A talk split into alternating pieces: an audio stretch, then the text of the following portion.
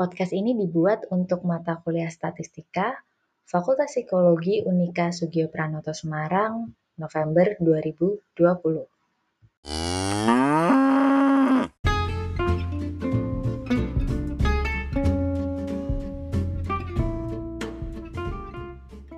Halo, selamat pagi dan selamat datang kembali di mata kuliah statistika. Nah, setelah kemarin sempat beristirahat sejenak dari statistika, uh, pastinya sekarang sudah siap lagi ya untuk kembali mulai uh, kuliah. Uh, hari ini kita akan belajar tentang yang namanya chi-square.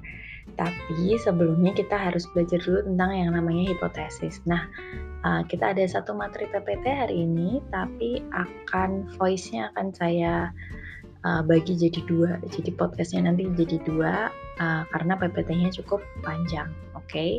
Jadi uh, yang pertama kita akan membicarakan hipotesis sampai slide ke saya lupa slide kesekian dari PPT ini. Kemudian setelah itu kita akan ngomongin soal chi-square. Oke, okay? jadi uh, sebelum teman-teman bicara soal chi-square, kita perlu belajar soal hipotesis dulu. Untuk yang sudah lupa bagaimana caranya kuliah pakai podcast, jangan lupa download dulu materi PPT di Cyber, lalu buka dari halaman pertama dan uh, setiap ada intro atau interlude, sorry, kalau setiap ada interlude atau ada suara sapi, silahkan teman-teman berpindah ke slide berikutnya. Contohnya adalah seperti interlude yang sebentar lagi akan saya mainkan sambil kita berpindah ke slide yang kedua. Oke,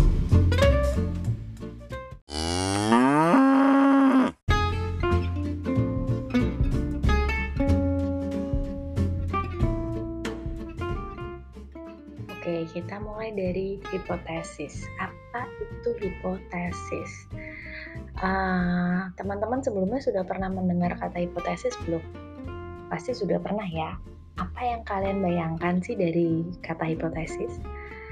Uh, pasti mungkin pernah dengar kata-kata kayak hipotesis terbukti atau hipotesis tidak terbukti. Tapi kita semua tahu hipotesis itu pasti dekat dengan penelitian. Uh, mungkin waktu SMA kalian sudah pernah melakukan penelitian yang melibatkan adanya hipotesis, saya nggak tahu sih. Nah, tapi tahukah kalian arti dari kata hipotesis?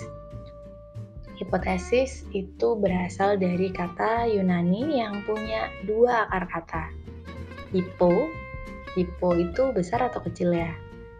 Hipopotamus sih gede ya, tapi hipo ini sebenarnya artinya uh, kecil, kurang atau lemah. Jadi uh, sesuatu yang lemah. Hipo. Dan tesis itu kalau saya biasanya gampangannya akan bilang dia suatu pernyataan.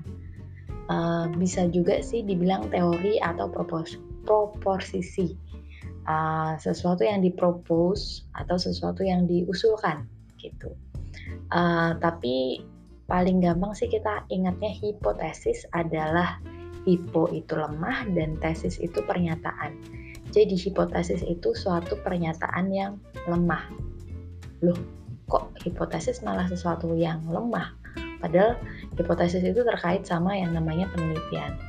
Nah, uh, hipotesis itu dalam penelitian biasanya muncul setelah seorang peneliti itu hmm, dia semacam punya apa ya punya dugaan tertentu. Jadi uh, si peneliti melihat beberapa fenomena lalu dia menggabung-gabungkan beberapa hal. Misalnya antara orang-orang yang berpergian uh, sesuka hati ketika Covid dan status pendidikan mereka misalnya. Terus uh, peneliti itu menyimpulkan bahwa semakin rendah status pendidikan seorang, maka uh, keinginannya untuk uh, melanggar protokol kesehatan itu semakin tinggi. Misalnya seperti itu ya, ini adalah contoh. Nah, uh, itu adalah hal yang dilihat oleh peneliti yang kemudian ingin dia buktikan. Tapi kalau baru dia lihat, baru dia lihat di apa namanya kenyataannya seperti itu, lalu dia baru baca-baca doang di di di berbagai buku atau jurnal penelitian lainnya, tapi dia belum melakukan penelitian, uh, maka pernyataan dia ini masih pernyataan yang lemah. Jadi, hipotesis itu adalah suatu pernyataan lemah yang berasal dari um, dugaan seorang peneliti mengenai suatu fenomena yang ingin dia teliti. Dan hipotesis ini dibuat sebelum penelitian ada. Nah, penelitian dilakukan tujuannya adalah untuk membuktikan apakah hipotesis itu benar atau tidak benar. Atau kalau dalam uh, statistik kita akan bilang terbukti secara signifikan atau tidak signifikan. Artinya bisa saja suatu hal itu punya perbedaan, tapi secara statistik dia signifikan atau enggak. Perbedaannya tuh apa ya kata lain signifikan ngaruh enggak sih? Kayak ya ternyata perbedaannya cuma segitu gitu. Misalnya uh, katakanlah uh, disebut bahwa menambah jam kerja, misalnya ada hipotesis bahwa penambahan jam kerja itu akan uh, menambah motivasi uh, seorang karyawan, misalnya ya, menambah jam kerja akan menambah motivasi karyawan bekerja. Misalnya ini aneh banget sih, tapi kita coba saja. Nah, ternyata ditemukan memang uh, menambah jam kerja itu menambah motivasinya, tapi jam kerjanya itu nambahnya banyak sampai 10 jam, motivasinya nambahnya cuma dikit. Artinya ada perbedaan sih, tapi itu nggak signifikan banget. Masa nambahnya harus banyak banget untuk mendapatkan perubahan yang sedikit. Itu namanya uh, hipotesis pembuktian hipotesis yang tidak signifikan. Nah, nanti statistik yang akan membantu untuk mencari tahu uh, perubahan atau pembuktian ini signifikan atau tidak. Tapi setidaknya yang perlu kalian ingat dari slide ini adalah hipotesis adalah suatu dugaan yang muncul di awal penelitian dan kita melakukan penelitian itu untuk membuktikan apakah hipotesis itu terbukti secara signifikan atau tidak signifikan.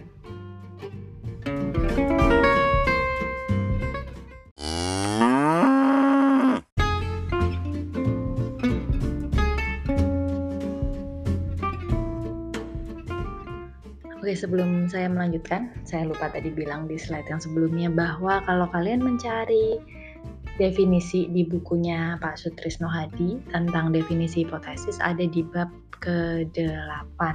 Oke, dan uh, selain soal uh, definisi hipotesis, kita juga punya um, landasan yang perlu kamu tahu mengenai uh, hipotesis. Ada hipotesis yang disebut hipotesis nol atau kalau di tempatnya uh, Pak Sutisno lagi itu disebut hipotesis nihil dan uh, hipotesis alternatif. Kadang dilambangkan dengan uh, tulisan H1, H2, H3 dan seterusnya. Sedangkan kalau hipotesis nol yang di sebelah kiri di slide ini uh, lambangnya H0 lihat 0 angka 0 angka satunya itu ada di bawah ya. Jadi nggak nggak sejajar sama H, angka E huruf H nya apa itu hipotesis nol? Hipotesis nol itu adalah hipotesis yang menunjukkan tidak ada perbedaan antara kedua variabel. This hypothesis should be nullified atau ya nggak ada perbedaannya gitu variabel sendiri kan adalah hal yang bervariasi yang ingin kita teliti. Jadi kita akan meneliti eh, hal-hal uh, yang bervariasi gitu ya. Uh, misalnya antara tinggi badan dan tingkat kebahagiaan. Pasti tiap orang beda-beda dong. Nah, variabelnya adalah satu, tinggi badan, yang kedua adalah kebahagiaan. Variabel ini berbeda dan bisa diukur masing-masing kebahagiaan kita akan punya skala kebahagiaan dan tinggi badan ya gampang ngukurnya kita pakai uh, meteran ya gitu. Nah kalau kita punya dua variabel yaitu tinggi badan dan kebahagiaan maka kalau kita mempunyai hipotesis nul di sini maka kita bisa bilang bahwa tidak ada hubungan antara uh, kebahagiaan dan tinggi badan misalnya. Uh, kalau misalnya hipotesis nol diterima, berarti memang tidak ada uh, hubungan antara keduanya. Tapi kalau hipotesis nol ditolak, berarti ada perbedaan di antara keduanya. namanya juga hipotesis nul, jadi dia selalu memikirkan bahwa tidak ada perbedaan, tidak ada korelasi, tidak ada hubungan, tidak ada uh, apa namanya komparasi di antara kedua variabel atau lebih. Nah, ini berbeda dengan hipotesis alternatif. Kalau hipotesis alternatif itu menyatakan ada perbedaan antara variabel. Jadi kalau variabelnya adalah tingkat kebahagiaan dan tinggi badan, maka hipotesis alternatif akan menyatakan bahwa terdapat uh, hubungan antara uh, kebahagiaan dan tinggi badan gitu. Dan hubungan ini adalah hubungan yang signifikan. Itu yang disebut dengan hipotesis alternatif. Jadi yang perlu diingat adalah jika H0 itu tidak ada, jadi uh, kedua variabel itu sama saja, tapi kalau H1 itu ada korelasi atau perbedaan.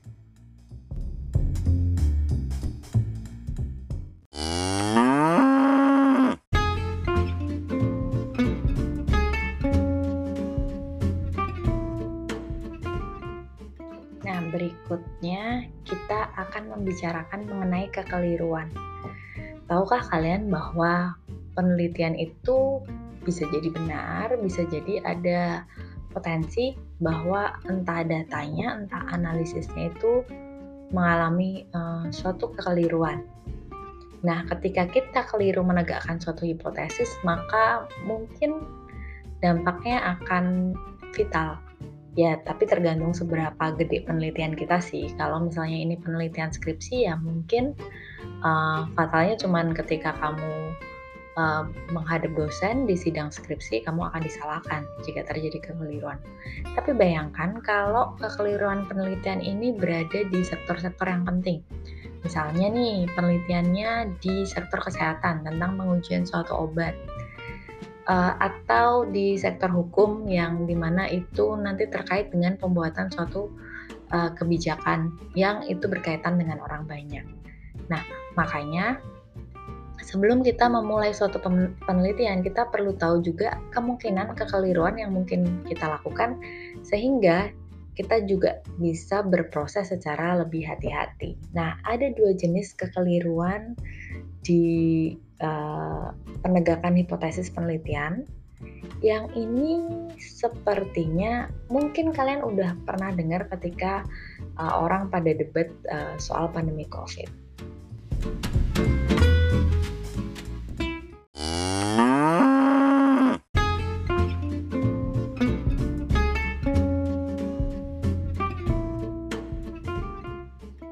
ada dua tipe kekeliruan. Nah, sekarang kita ngomongin ke kekeliruan tipe pertama. Nah, kekeliruan tipe pertama ini adalah kondisi di mana hipotesis nol ditolak padahal seharusnya diterima. Hipotesis nol kan tadi bilangnya itu nggak ada perbedaan, nggak ada korelasi alias nggak ada apa-apa gitu. Nah ini ditolak, artinya kita bilang ada apa-apa. Nah kita bilang ada apa-apa, eh ternyata nyatanya itu nggak ada apa-apa. Jadi dalam kata lain dikatakan bahwa terdapat perbedaan pada suatu data padahal sebenarnya tidak. Kekeliruan tipe 1 ini disebut juga dengan false positive atau kekeliruan dalam mengindikasikan situasi positif. Misalnya, misalnya kalau dalam ranah hukum uh, kita melihat orang itu uh, dinyatakan bersalah gitu ya. Ternyata itu dia tidak membunuh. Jadi orang yang tidak membunuh dinyatakan bersalah dan masuk penjara. Itu false positif. Uh, atau dokter menyatakan seseorang terkena kanker, padahal sebenarnya tidak. Kamu membuat penelitian dan mengatakan bahwa tinggi badan itu ada kaitannya dengan kebahagiaan, padahal ternyata tidak ada. Nah, itu adalah kekeliruan tipe 1, di mana ketika kita melakukan penelitian, kita bilang bahwa uh, ada perubahan atau ada perbedaan atau ada korelasi yang signifikan, padahal senyatanya nggak ada.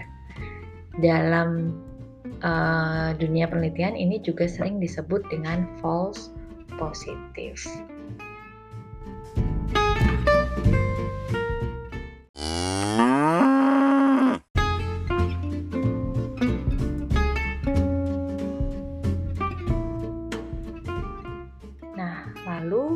Kekeliruan tipe kedua adalah kondisi di mana hipotesis nul diterima padahal seharusnya ditolak. Hipotesis nul sekali lagi yang tadi bilang nggak ada apa-apa nih. Nah, eh, kata-kata uh, hipotesis nul yang nggak ada apa-apa ini kita terima, padahal seharusnya ditolak, padahal seharusnya ada apa-apa. Atau dalam kata lain dikatakan bahwa tidak terdapat perbedaan atau korelasi atau perubahan pada suatu data, padahal sebenarnya ada perbedaan.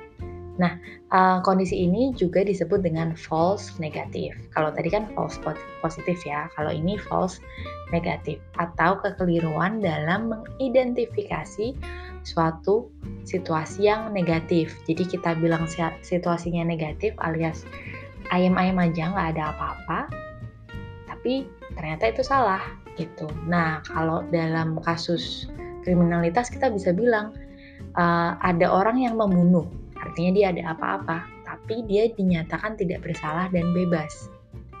Nah, atau kalau dalam kesehatan, uh, dokter menyatakan seseorang tidak terkena kanker, padahal sebenarnya dia punya kanker. Jadi uh, kita menduganya nggak ada apa-apa, dan itu setelah dilakukan penelitian ya. Jadi jadi bayangkan dong udah dilakukan pemeriksaan, terus uh, ternyata salah penegakan hipotesisnya dengan bilang kalau oh nggak ada apa-apa.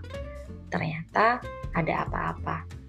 Nah, yang yang cukup terkenal dari false negatif ini kalau teman-teman ngikutin berita di terkait COVID itu adalah uh, pernyataan beberapa ahli bahwa rapid test rapid testnya COVID itu tinggi false negatifnya. Apa artinya?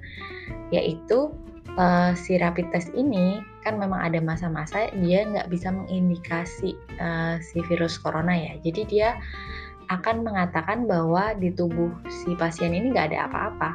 Padahal sebenarnya ada virus corona. Maka itu disebut dengan false negatif. Ketika seseorang mengatakan dia tidak membawa virus corona, tapi ternyata dia membawa virus corona. Pertanyaan saya berikutnya adalah, kira-kira lebih bahaya yang mana ya? False positif atau false negatif?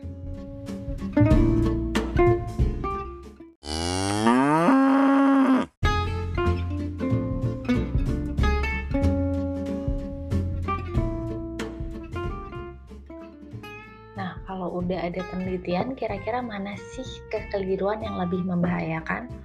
False positif atau false negatif. Coba teman-teman bayangkan kalau itu suatu skripsi. Kita menyatakan bahwa ada perbedaan antara uh, sorry, ada perbedaan agresivitas antara laki-laki dan perempuan. Uh, ternyata nggak ada. Sama kita bilang tidak ada perbedaan uh, agresivitas antara laki-laki dan perempuan. Eh ternyata ada. Mungkin kalau ini masih skripsi, hmm, dampaknya nggak berbahaya berbahaya banget sih. Tapi bayangkan kalau itu udah pada hal yang vital. Kayak tadi nih uh, ada orang dinyatakan bersalah padahal dia tidak bersalah lalu dia masuk penjara. Tapi ada orang yang bersalah tapi dia dinyatakan tidak bersalah alias false negatif artinya hakim akan membebaskan orang yang bersalah orang yang membunuh dibilang tidak membunuh lalu dibebaskan keluar. Pasti lebih bahaya dong karena orang ini bisa berkeliaran dan bisa membunuh lagi. Tapi kalau misalnya ternyata kita memasukkan orang yang tidak bersalah ya memang sih ini bahaya. Tapi setidaknya tidak lebih bahaya dibandingkan kalau terjadi false negatif sama seperti ketika kita ngomongin uh, di bidang medis katakanlah COVID nih ada false positif uh, seseorang dibilang COVID dan suruh di uh, isolasi. Misalnya suruh isolasi mandiri di rumahnya. Ternyata dia nggak COVID. Maka ini nggak begitu berbahaya. Tapi kalau misalnya seseorang dinyatakan dia tidak COVID dan dia boleh ke mana-mana, maka dia akan bisa menyebarkan itu, uh, akan bisa menyebarkan Eh, penyakitnya ke mana-mana. Makanya false negatif itu lebih berbahaya terutama pada eh, hal-hal uh, hal -hal yang penting atau pada area-area yang penting seperti dalam hukum atau di kedokteran.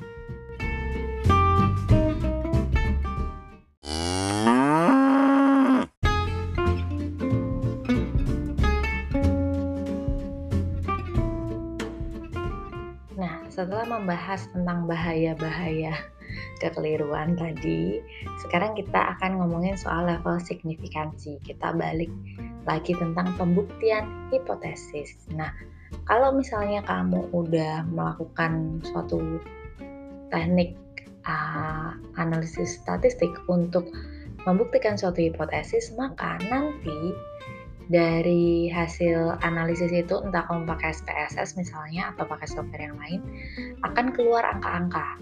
Terus gimana kita tahu ya uh, ada perbedaan atau tidak? Apakah tinggal lihat tabelnya atau gimana gitu? Nah, ada angka penting yang eh sorry bukan angka, ada huruf penting yang bernama P. P itu adalah simbol dari signifikansi. Nah, P ini P kecil ya seharusnya ya. P kecil itu punya angka uh, di mana biasanya dia sekitar 0, sekian gitu. Nah, silakan teman-teman lihat nih uh, berapa nilai P itu. Semakin kecil nilai P itu uh, semakin kecil kekeliruan di uh, suatu uh, penelitian uh, atau sorry di suatu analisis statistik. Tapi semakin besar nilai P, maka semakin besar juga kekeliruan yang mungkin terjadi, entah tadi false negatif atau false positif. Nilai maksimal P adalah satu. Kalau P-nya satu itu benar-benar kayak 100% ini salah. Dan ini agak agak nggak mungkin sih. Biasanya 0,0 sekian gitu. Uh, jadi 0,000 itu membuktikan bahwa penelitiannya itu benar-benar sahih, nggak ada kekeliruan sama sekali. Tapi 0,00 doang ini agak jarang terjadi. Pasti ada ya sedikit lah angkanya. Tapi angka berapa sih yang menyatakan bahwa uh, penelitian ini punya apa namanya dampak yang signifikan dan bebas dari kekeliruan? Ada tiga kategori. Yang pertama, jika P-nya di atas angka 0,05, maka hipotesis penelitian ditolak karena tidak, tidak terdapat perbedaan yang signifikan. Jadi, kalau nanti ada analisis SPSS, terus kamu cari deh nilai P-nya. P-nya itu di atas 0,05.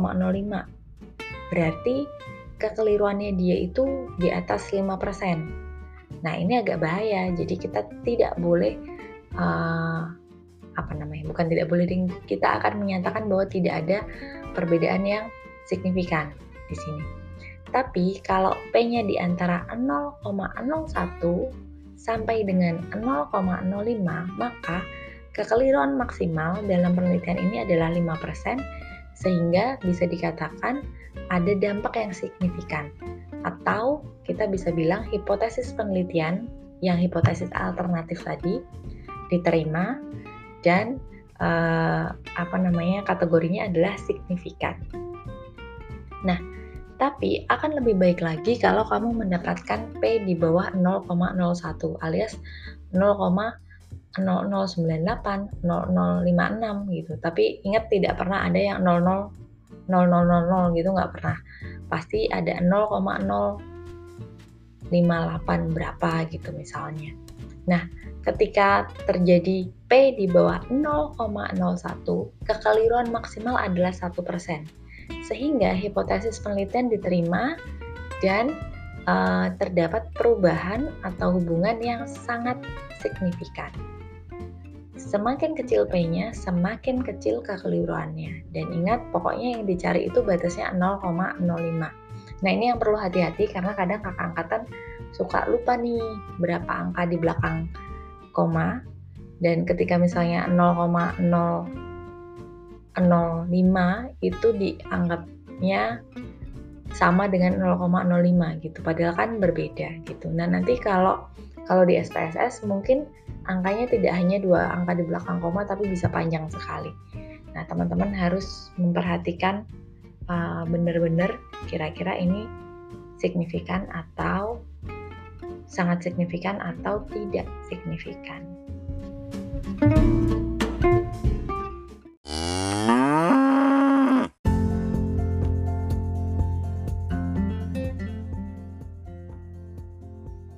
Oke, terakhir di podcast yang ini adalah kita ngomongin soal derajat kebebasan atau degree of freedom. Ini juga hal yang penting sebelum kalian menguji hipotesis, kalian juga perlu tahu seberapa bebas seseorang untuk menentukan pilihan. Derajat kebebasan menunjukkan seberapa banyak jumlah yang bisa kita ambil secara bebas. Misal, ada tiga orang yaitu A, B, dan C ditawari permen rasa vanila, stroberi, dan coklat mereka diperbolehkan memilih permen tersebut, tapi gantian nih. Nah, kalau A udah milih, maka dia cuma bisa pilih satu dari ketiga rasa tersebut, ya kan? Nah, kalau A udah milih, habis itu B pilihannya berapa? B pilihannya tinggal dua. Dan parahnya lagi, C cuma bisa memilih satu. Berarti ada satu orang yang kehilangan kebebasannya. Nah, di sini, derajat kebebasan diperlukan dalam pengujian statistik, tapi nanti lebih panjangnya saya akan ngomongin uh, sambil kita praktek saja. Tapi kata DB dan DF, uh, DB itu bahasa Indonesia ya, derajat kebebasan, dan DF itu bahasa Inggris, degree of freedom. Kata DB dan DF ini adalah uh, kata yang penting untuk dicari, apalagi kalau kalian ngitung secara manual. Gitu. Uh, derajat kebebasan biasanya dilambangkan dengan eh sorry bukan dilambangkan. Bisa dicari dengan n min 1 atau jumlah orang dikurangi satu. Uh, kebebas yang bebas bisa milih itu cuma dua orang dari tiga orang itu. Karena yang satu itu cuma dapat sisa-sisanya doang karena uh, dia nggak ada pilihan lagi. Nah itu kalau kalau soalnya sederhana. Tapi nanti semakin kompleks suatu variabel uh, suatu penelitian mungkin cara penghitungan derajat kebebasannya akan berbeda-beda. Tapi uh, sekarang teman-teman yang perlu diingat adalah derajat kebebasan ini penting gitu dalam um, penggunaan teknik analisis statistik untuk membuktikan suatu hipotesis. Oke,